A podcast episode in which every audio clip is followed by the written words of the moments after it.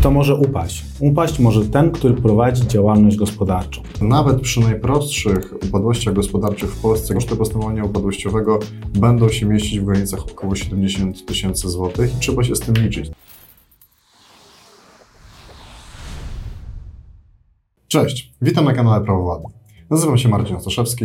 Witajcie, nazywam się Sebastian Mikulewicz. W dzisiejszym odcinku chcę powiedzieć o różnicach między upadłością gospodarczą i upadłością konsumencką i obalić parę y, mitów w internecie. Wcześniej nie mówiliśmy o tym, czym się zajmujemy, kim jesteśmy tak naprawdę. Pewnie podejrzewacie. Ja jestem adwokatem, Marcin jest również adwokatem, jak również doradcą restrukturyzacyjnym. Dlatego mamy dużą wiedzę, jak również duże doświadczenie, jeżeli chodzi o restrukturyzację, jak i upadłość. W dzisiejszym odcinku chcę powiedzieć o upadłości gospodarczej. Od tego tematu zaczniemy.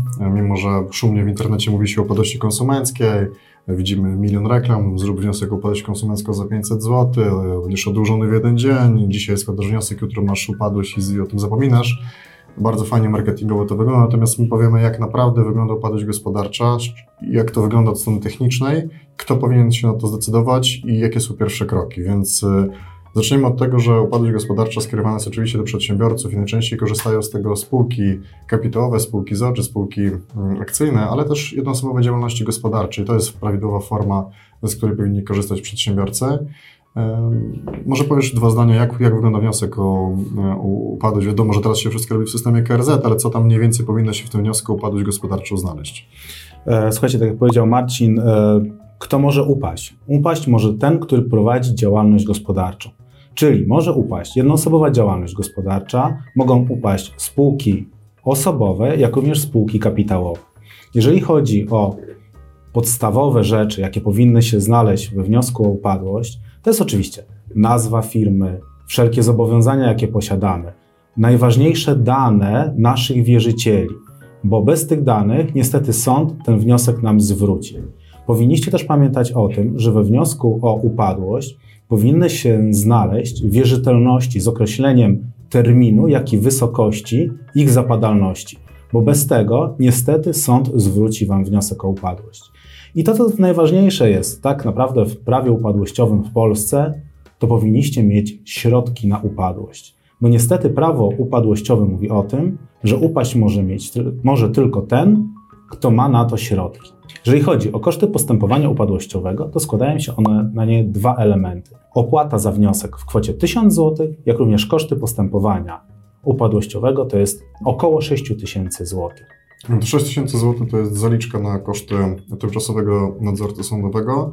I trzeba liczyć się z tym, że koszty samego postępowania upadłościowego w Polsce składają się z wynagrodzenia syndyka przy upadłości gospodarczej oraz z kosztów administracyjnych, czyli archiwizacja, biuro, księgowe, obsługa prawna, więc nawet przy najprostszych upadłościach gospodarczych w Polsce, gdzie suma długów jest powiedzmy stosunkowo nieduża, nawet 200-300 tysięcy złotych, czy 500, czy 700, to trzeba liczyć się z tym, że koszty postępowania upadłościowego będą się mieścić w granicach około 70 tysięcy złotych i trzeba się z tym liczyć. Także, żeby, e, że tak powiem, przeprowadzić skutecznie upadłość gospodarczą, trzeba liczyć się z kosztami. Mm, dlatego tak wielu przedsiębiorców korzysta teraz z takiej możliwości, że zamyka działalność gospodarczą i składa wniosek o upadłość konsumencką, mimo że ma długi z działalności gospodarczej.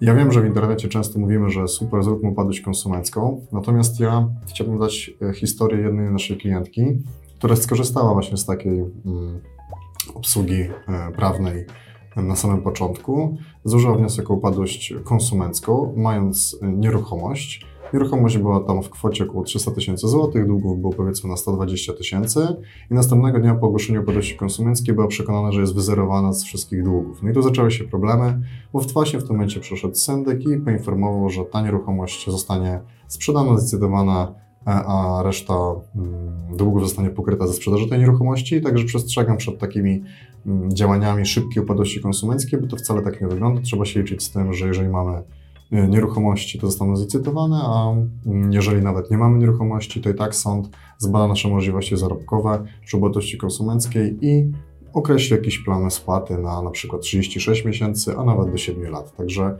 mm, jeżeli jesteśmy przedsiębiorcą i mamy e, odpowiednie środki, to jednak decydowałbym się na złożenie wniosku o upadłość gospodarczą, która oczywiście wiąże się z większymi e, kosztami, ale jest jakby dedykowana do przedsiębiorców.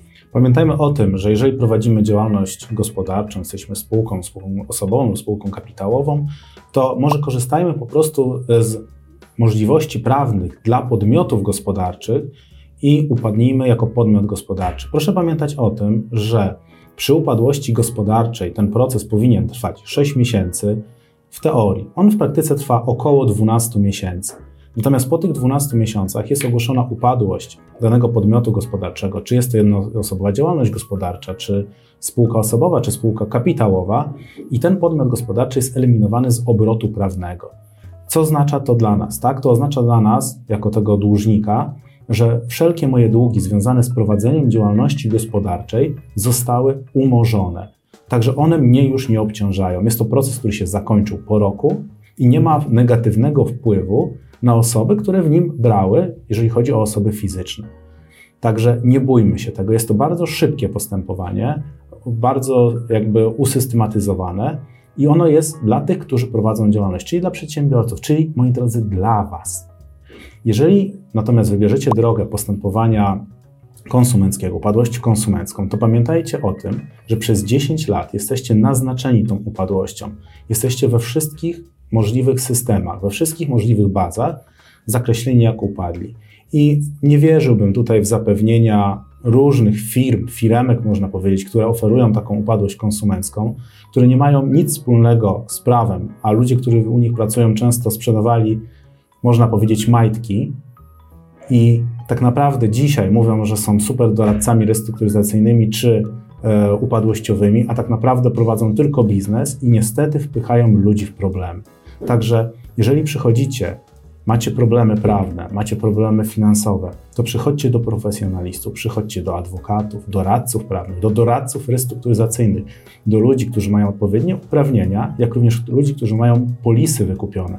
Także moi drodzy, idźcie do profesjonalistów. Taka dobra rada. Nie idźcie do randomowych kancelarii.